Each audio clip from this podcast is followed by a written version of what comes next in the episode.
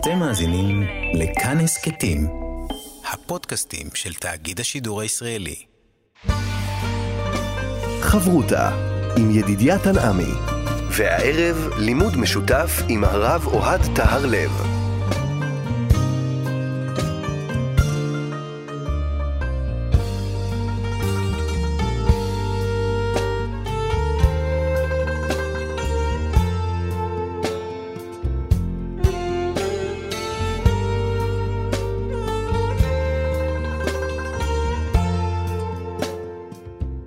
שלום, כאן מורשת חברותא לימוד משותף עם רבנים ואנשי חינוך בנושא תנ"ך, הלכה ואמונה. הפעם אנחנו לומדים אגדה יחד עם הרב אוהד תיארלב, ראש מדרשת אות לידנבאום, רבני בית הלל. שלום לך, כבוד הרב.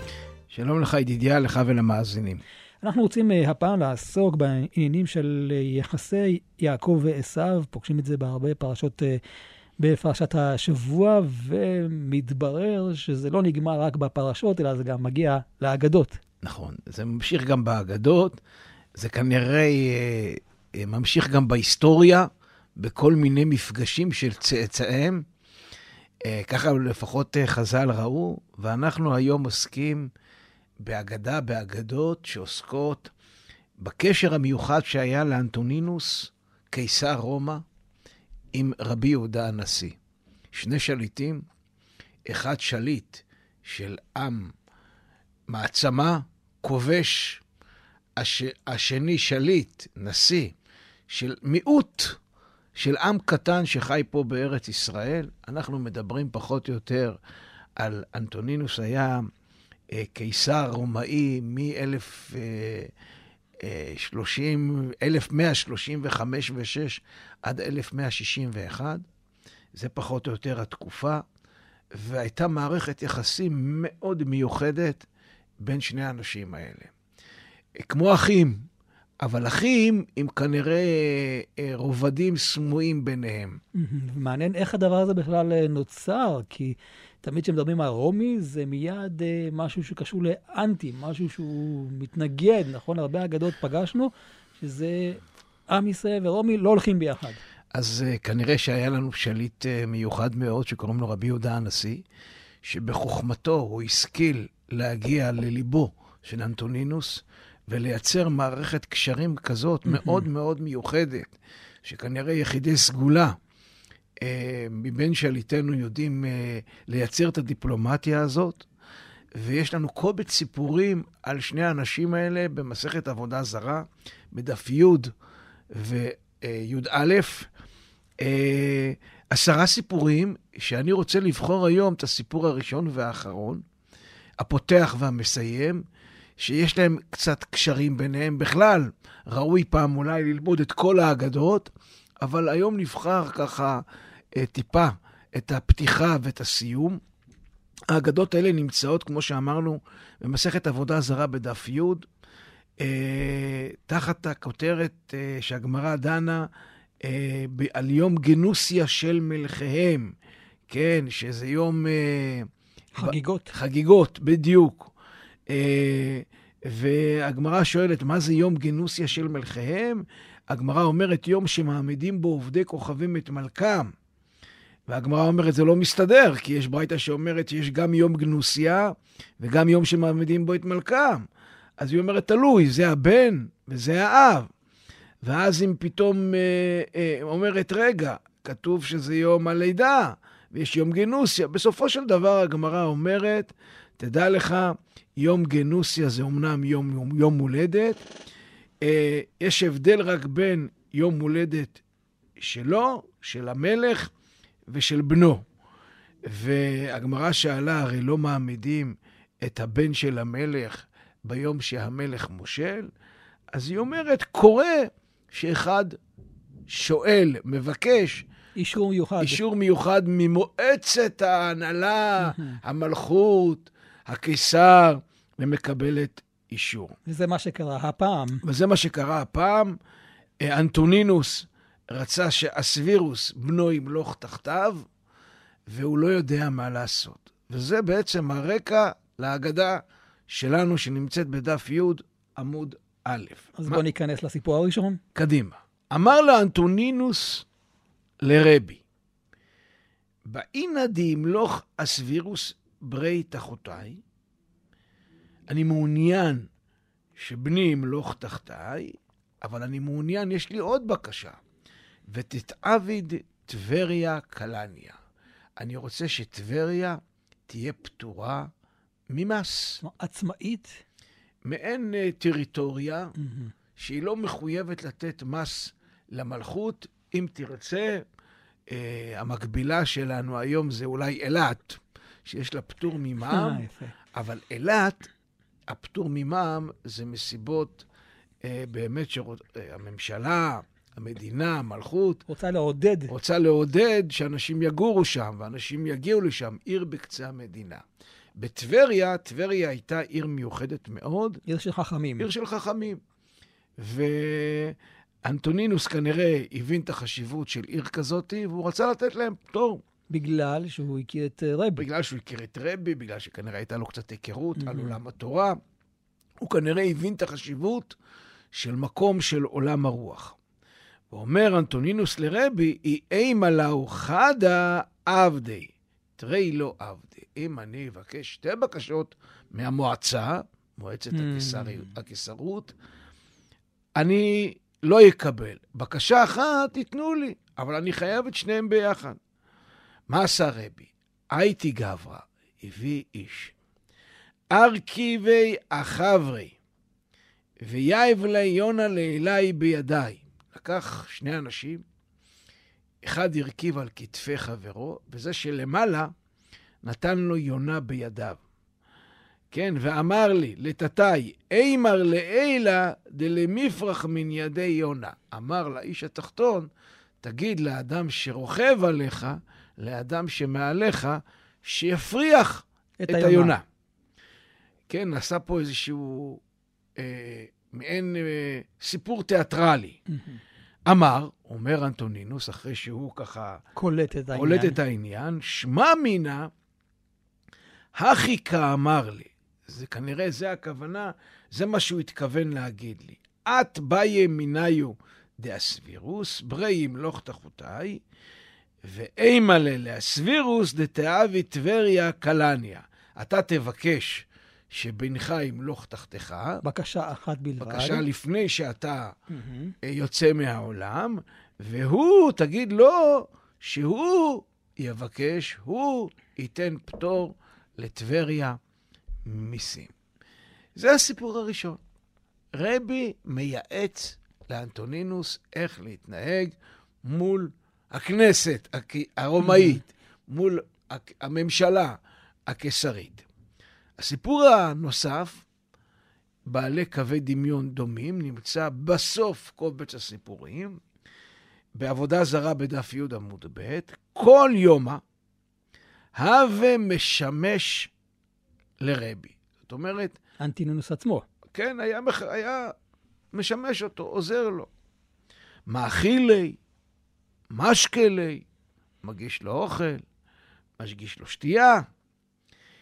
ואומרת ההגדה, כי הווה באי רבי למייסק לפוריה, כשרבי היה רוצה לעלות למיטה, הווה גחין קמא פוריה. היה מתכופף מתחת לפני המיטה, אמר לשק אילבי לפורייך. עשה לו מדרגות. מדרגה, תעלה עליי למיטתך. אומר לו רבי, אמר לאו אורח ערה לזלזולה במלכותא כולי. לא דרך ארץ. מה, שאני אדרוך עליך, אתה... לא מכובד, אני לא מרגיש טוב עם זה. אומר לו אנטונינוס, מי ישימני מצה תחתיך לעולם הבא? הלוואי ואני אזכה, פה אתה לא מוכן לעלות עליי, אבל שאני אהיה המצע תחתיך בעולם הבא. ואז אחרי שהוא אומר את זה, שואל אותו אנטונינוס, אמר לאתינא לעלמא דעתי, תגיד, אני אזכה להגיע לעולם הבא? אומר לו רבי, אמר לאין, כן, אתה תזכה.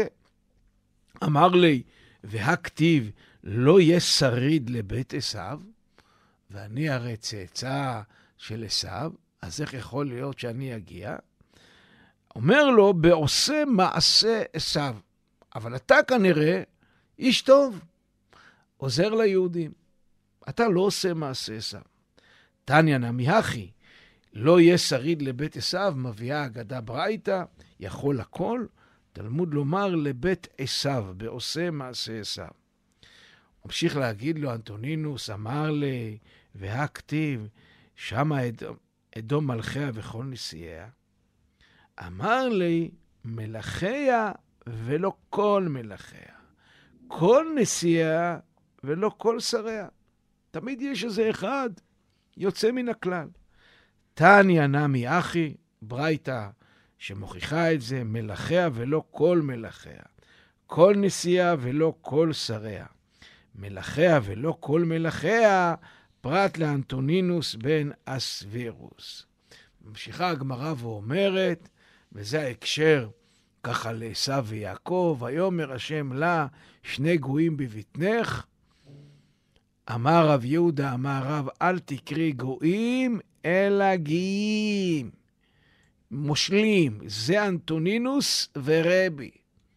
הם נמצאים שם בבטן, שלא פסקו מעל שולחנם לא חזרת ולא קישוט ולא צנון, לא בימות החמה ולא בימות הגשמים. בגלל העשירות הגדולה שהייתה להם. שני אנשים בעלי ממון רב, חברים טובים כמו אחים, הם אלה, דורשת הגמרא, כמו שני גבוהים בבטנך. אז יש כאן שני סיפורים. ואני רוצה ככה לשאול קצת שאלות על האגדות. ולחבר בין שני הסיפורים. כמובן. כי אחת פותחת ואחת mm-hmm. מסיימת. שאלה ראשונה על ההגדה הראשונה. מדוע רבי צריך לרמוז לאנטונינוס ולא יכול להגיד לו מפורשות? למה משל? למה האירוע התיאטרלי? מדוע הוא זקוק לאישור השרים שלו? מה קרה? הוא מלך, כל יכול. הוא מפחד, כן יאשרו לו, לא יאשרו לו. למה לא יאשרו לו את שתי הבקשות? למה מאשרים רק, רק אחת? אחת? למה רבי רומז על ידי עשייה תיאטרלית? כן, הוא יכול גם להגיד את זה. כנראה שאולי הוא נמנע בכוונה. או שהוא חשש. Mm-hmm. מה מסמל את ההרכבה של איש אחד על השני? כן, יש פה פעולה, הוא מרכיב אותו. מה מסמל את היונה בסיפור הראשון? בואו נעבור לסיפור השני. מדוע אנטונינוס שימש את רבי? מה זה? מלך של מעצמה אדירה. מה המשמעות הסמלית שאנטונינוס משמש כמדרגה שעליו רבי עולה למטתו? אומרת, למה מספרים לי את הפרט? הרי הוא הכיל, הוא השקע, ואופס, הוא מטפס עליו. למה הוא מתנהג ככה? האם רב, רבי באמת עלה עליו לקראת מיתתו? למה אנטונינוס חושב שמגיע לו עולם הבא? הוא לא יהודי. הוא לא יהודי, הוא גם עשה צרות. מה פשר הדיון על שארית בית עשיו ואדום?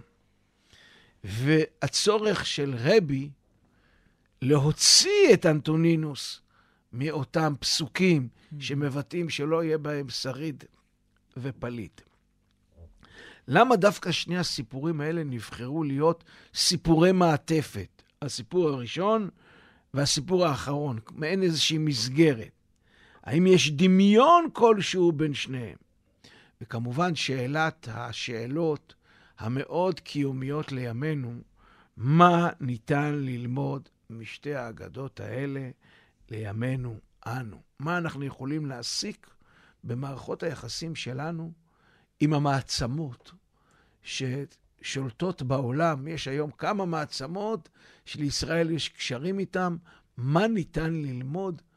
איך וראוי לשועי עולם, למנהיגי עולם, להתנהג אחד עם השני. חברותה עם ידידיה תנעמי חברותה כאן אה, במורשת, חברותה יחד עם הרב אוהד תהרלל, לומדים את האגדות שקשורות לאנטינונוס ורבי, והנה ראינו כאן שתי אגדות, אחת פותחת, אחת אה, סוגרת, ומתוך ההתבוננות על האגדה, אתה רואה פערים מאוד גדולים בין האגדה הראשונה לשנייה. בהגדה הראשונה יש יחסי כבוד, זאת אומרת, אה, הקיסר מתייעץ עם תלמיד חכם, יש היגיון בזה. אבל בהגדה השנייה הוא כבר כמעט הופך להיות עבד, לא קיסר. מה קרה פתאום? תהליך מאוד מעניין. באמת, אה, חז"ל מציגים את הקשר ביניהם בהתחלה, שרבי הוא היועץ, החכם, לקיסר הרומאי, ובהגדה האחרונה, בסיפור האחרון, כמו שאתה אומר, אנטונינוס הוא ממש כמו עבד שמשמש לפני רבו. הסיפור הראשון, יש לקיסר שתי בקשות. אחת בהקשר אישי, והשני בשביל העם, המיעוט הכבוש, היהודים, לקבל פטור לעיר טבריה ממיסים, כנראה כי היו שם הרבה מאוד תלמידי חכמים, פטור גלובלי. ויכול להיות שיש לנו את היונה, היונה מסמלת... עם ישראל. עם ישראל mm, שיוצא וואו. לחופשי.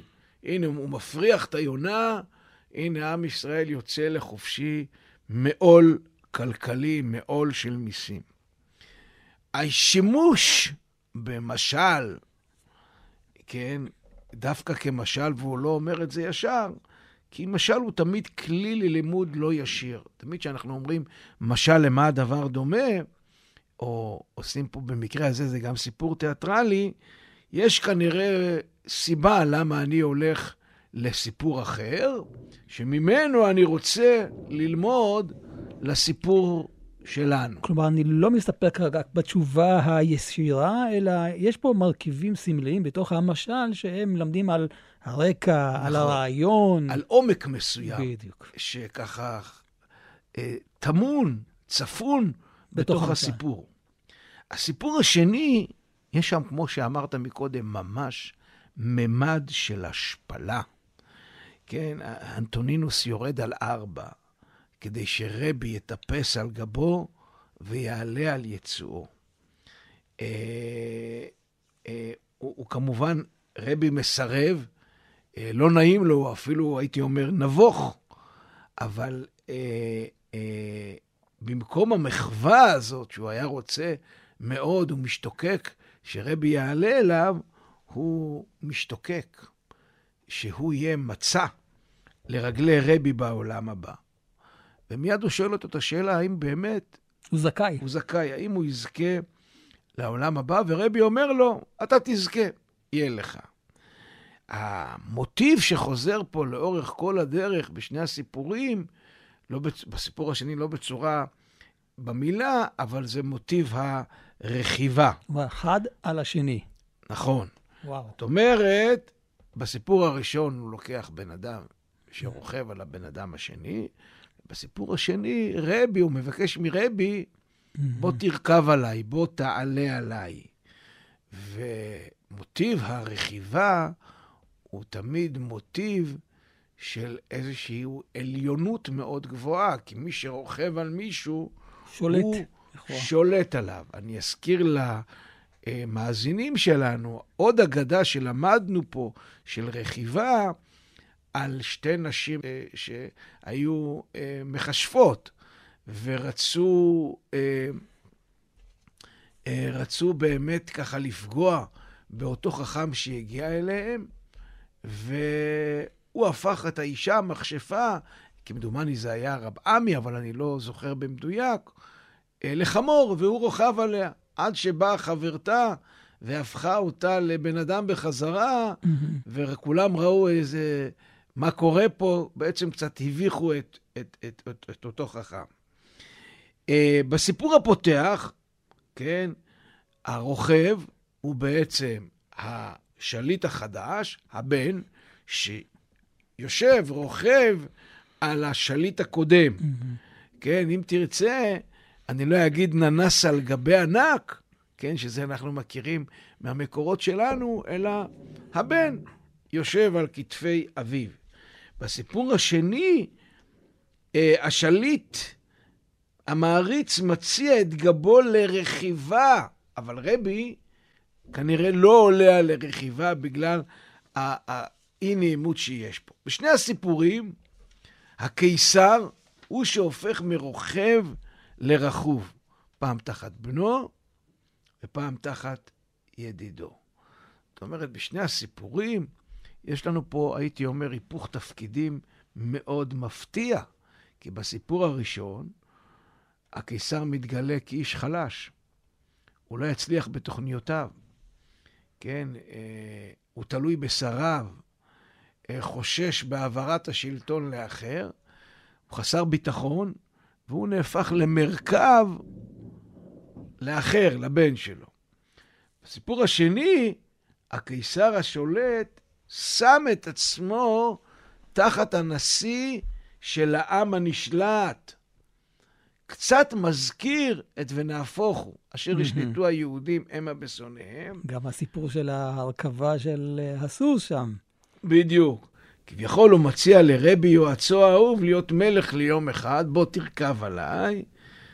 ואתה לא רק רוכב על סוס, אתה רוכב על המלך בעצמו. ופה מתעוררת השאלה, למה חז"ל מציגים את הקיסר הרומי, שהוא היה חבר טוב, ולפי הסיפור עשה דברים טובים פה, לתלמידי החכמים בטבריה. למה, למה חז"ל הופכים את המלך של העם השולט, את הקיסר, אה, ל, ל, אה, כמצע תחת הנשיא, השליט של העם הנכבש, של העם הנשלט. ממש מזכיר את ונהפוך הוא. עכשיו, אשר ישלטו היהודים הם בשונאיהם. ולא רק שהוא מציע לו להיות לרבי שליט ליום אחד, אלא אנחנו מכירים את הסיפור על מרדכי שרוכב על סוס, והנה פה רבי יהודה הנשיא רוכב על המלך בעצמו. ופה מתעוררת השאלה, מדוע חז"ל מציגים את הקיסר כמלך חלש? אה, ממש בתחילת הסיפורים, ובסוף כאסקופה נדרסת. למה?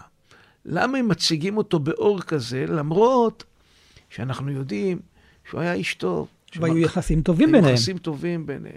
חז"ל כנראה לא סתם רצו להציג את זה בצורה כזאת. ידידי היקר, שמואל פאוסט, בספרו, אה, חיבר את האגדות הנ"ל, אני חייב לומר לחג רומי קדום, שמופיע גם בגמרא, פה במסכת עבודה זרה דף י"א, על איזושהי תהלוכה וקרנבל מאוד צבעוני. הסיפור שם הוא סיפור אה, שגם מעניין מאוד, אפילו לאחרונה אה, עשו אותו, ב, אני לא זוכר איפה, באחת מהעמים בתקשורת, ואמרו שהסיפור הוא אנטישמי מאוד, אה, שאחת ל-70 שנה מביאים אדם שלם ומרכיבים אותו על אדם חיגר, ומלבישים אותו בגדי אדם הראשון, ומניחים לו בראשו, כן, את הקרקפת של רבי ישמעאל, ותולים לו בצווארו מעין אה, שרשרת עם אבן מיוחדת, כן, ומחפין את השווקים בכל מיני קישוטים, ומכריזים לפניו, כן, אה, חשבון הקיצים כזב, אחיו של אדוננו זייפנו. מי שראה, ראה, מי שלא ראה, לא ראה. מה עזר לרמאי ברמאותו ולזייף בזייפנותו?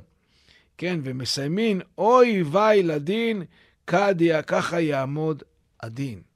זאת אומרת, בעצם לוקחים את הסיפור הזה, לוקחים אדם שלם שמסמל את רומי, על אדם חיגר, ישראל, המסמל את יעקב, שנקעה כף ירחו, מלבישים את האדם השלם בבגדי פאר, תולים על צווארו אבן יקרה, ולמען העליצות ההמון והשפלת היהודים נותנים לו את הקרקפת של רבי ישמעאל כהן גדול, אחד מעשורי הרוגי המלכות, במקום כתר, כן, לכבוד התהלוכה מקשטים את כל הרחובות, ואומרים, ככה יעשה לאיש אשר רימה וגנב את הבכורה מאחיו. הכל שקר, חשבון הקץ, הכל לא נכון. בואו תראו פה מי בעל הבית. הנה, בעל הבית בסופו של דבר זה הרומאים ולא היהודים. וככה הם חוגגים את ההשפלה של יהודה הבזויה, המנוולת. והם אומרים, מי שלא ראה שמחה זו, לא ראה שמחה מימיו, כן? בפרפרזה mm-hmm. לשמחת בית השואבה שלנו, שאולי המשפט הזה באמת לקוח. למה לא ראה בימיו? כי באמת הקרנבל הזה היה פעם ב-70 שנה. ולא כל אחד כנראה זכה להיות... זכה, וזה כמובן מזכיר לנו, טוען אה, שמואל פאוסט, את הסיפור, ככה יעשה לאיש אשר המלך אה, חפץ ביקרו. ובאמת החיבור הזה להרכבה הוא באמת אה, חיבור מעניין. אה, אני הקטן חושב שיש פה משהו אה, אה, אחר, עמוק, אני לא יודע אם יותר, אבל קצת שונה, שמציג את התמונה שנראית לנו בככה, בהסתכלות ראשונה כמאוד דיכוטומית. יש טובים, יש רעים, יש עשו ויעקב, בצורה קצת יותר מורכבת. וזה יהיה בחלק הבא. כן. חברותה עם ידידיה תנעמי. חברותה כאן אה, במורשת חברותה באגדה, יחד עם הרב אוהד תהרלב. ושמנו לב שהרקע של הסיפור הוא בעצם במעבר הזה שבין האב, כן, המלך, הקיסר, אנטינוס, שהוא רוצה עכשיו להמליך את הבן שלו. והשאלה אם הסיפור הזה, בתזמון הזה, הוא קשור לכל היחסים הללו שבין יעקב ועשיו, כן, ברמה המאוד סמלית של הדברים. תראה, הסיפור הזה הראשון לוקח אותי לסיפור של גנבת הבכורה, כמובן. אה. מה זאת אומרת גנבת הבכורה? אה, שבעצם הסיפור שהבאנו בסוף, ששמואל פאוסט הזכיר, mm-hmm. אבל למעשה, לא רק לעניין הרכיבה שעוד מעט נדבר עליה, אלא לתוכן. אב ובן.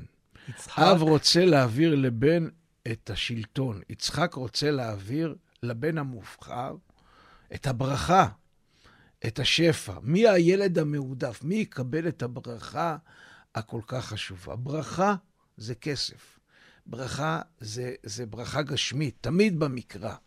וגם זה לוקח אותנו לסיפור של טבריה, פטור ממיסים. הוא רוצה שני דברים. הוא רוצה גם מי ישלוט, אבל גם מי יקבל את הפטור ממיסים, את השחרור הזה. אה, מיסים נתפס כעול ופטור נתפס כחופש, כמו שמשחררים את היונה, ומעניין החיבור הזה.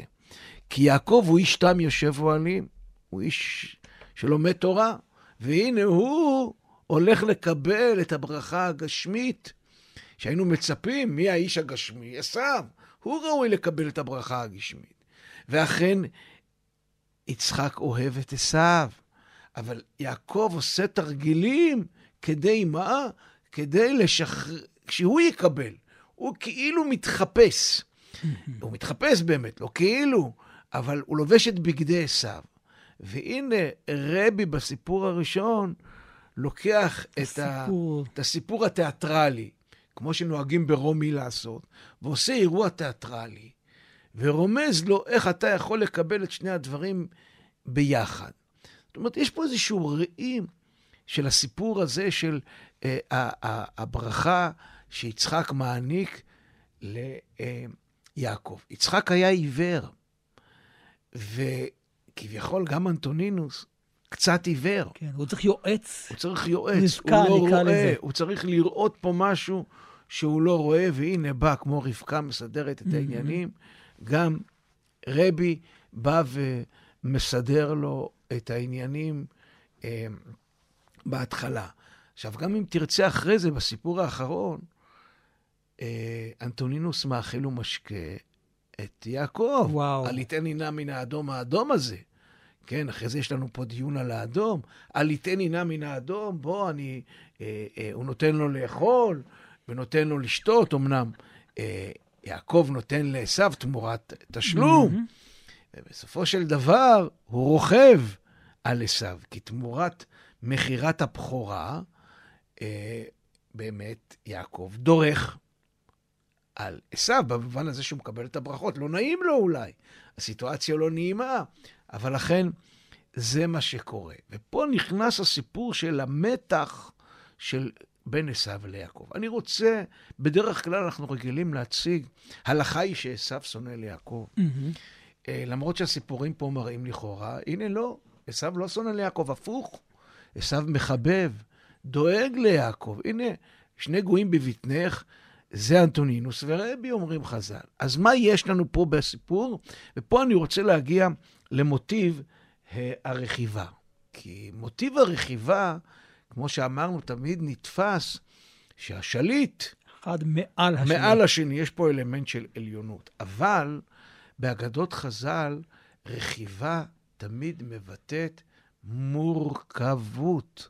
רחב מלשון מורכב. מעשה מרכבה מלשון מורכבות. זאת אומרת, למשל, אה, מוטיב הרכיבה, בוודאי במסכת חגיגה, ובכלל בהרבה אגדות, מופיע כמוטיב של השראת שכינה דווקא, של משהו רוחני נמצא על משהו חומרי. למשל, תמיד באגדות במסכת חגיגה, בדף י"ד, רוכבים על חמור ומגיעים להתגלות. הרכיבה על החמור כרכיבה על, על, על החומר, תנו רבנן, אני מביא דוגמה קצר, קטנה. כדי לסבר את, את, את אוזני מאזיננו. מעשה ברבן יוחנן בן זכאי שהיה רוכב על החמור והיה מהלך בדרך ורבי אלעזר בן ערך מחמר אחריו. אמר לו רבי שני לי פרק אחד במעשה מרכבה, אמר לו, לא כך שניתי לכם, ולא במרכבה ביחיד, אלא אם כן היה חכם מבין בדעתו. אמר לו, רבי, תרשני לומר לפניך דבר אחד שלמדתני. אמר לו, אמור, מיד ירד רבן יוחנן בן זכאי מעל החמור, ונתעטף, וישב על האבן תחת הזית. אמר לו, רבי, מפני מה ירדת מעל החמור? אמר, אפשר אתה דורש במעשה מרכבה. ושכינה עמנו מלאכי השרת מלווין אותנו, ואני ארכב על החמור? וככה האגדה ממשיכה. הביטוי יורדי המרכבה, כוונתם בדרך כלל לאנשי מעלה, שזוכים להיכנס לפרדס, לחזות בכל מיני חזיונות מיסטיים. וגם הביטוי מעשה מרכבה משמעותו חיזיון והתגלות. מה, מה, מה פירוש מעשה מרכבה? אני הקטן חושב שמעשה מרכבה פירושו של דבר מורכבות. מי יכול להיכנס פנימה? מי יכול לראות? מי שמסוגל להכיל סתירות מרבי עקיבא. רבי עקיבא ראה מים עליונים, מים תחתונים, והוא לא נפל מהכיסא. היכולת של האדם להכיל בתוכו את הופעתו של הקדוש ברוך הוא עלי אדמות באופן מנוגד, סותר, ולא להתערער, זוהי בעצם נבואה. זוהי בעצם השראה. וגם בעולם האמונה אני חושב זה ככה. אמונה גדולה. מי היה המאמין הגדול? מי היה, איזה מעשה יצר אמונה אדירה? על מי נאמר, אתה ידעתי כי הרי אלוהים אתה?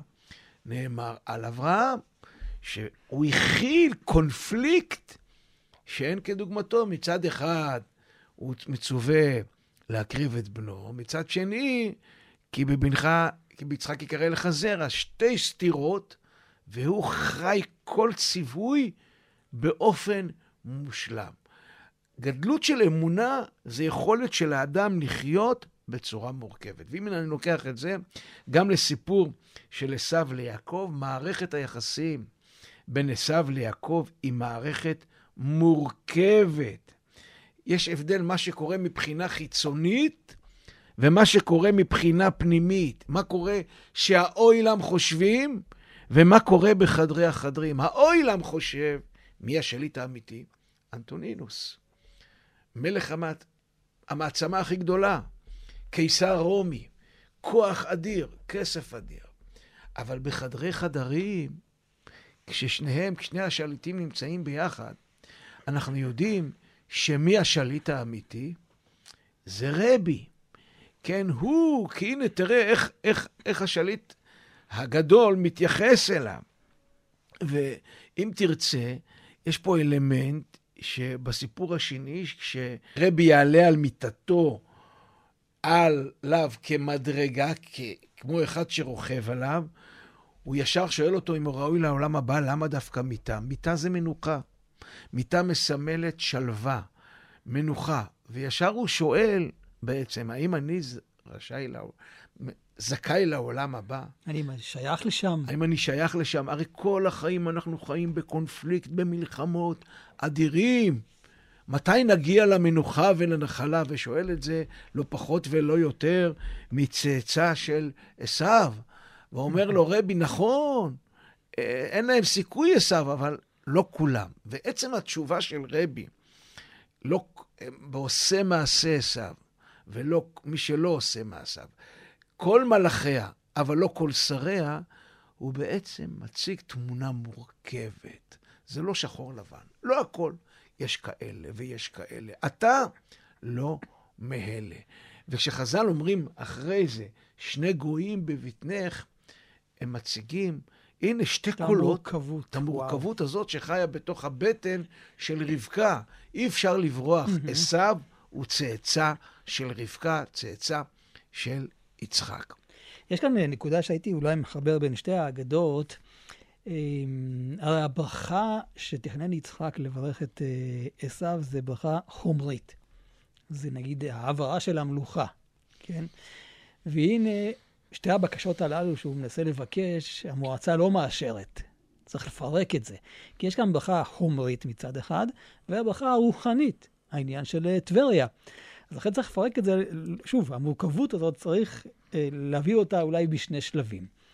ואחר כך בהגדה השנייה, כשהוא מדבר על עולם הבא, הנה שוב העניין של החומר.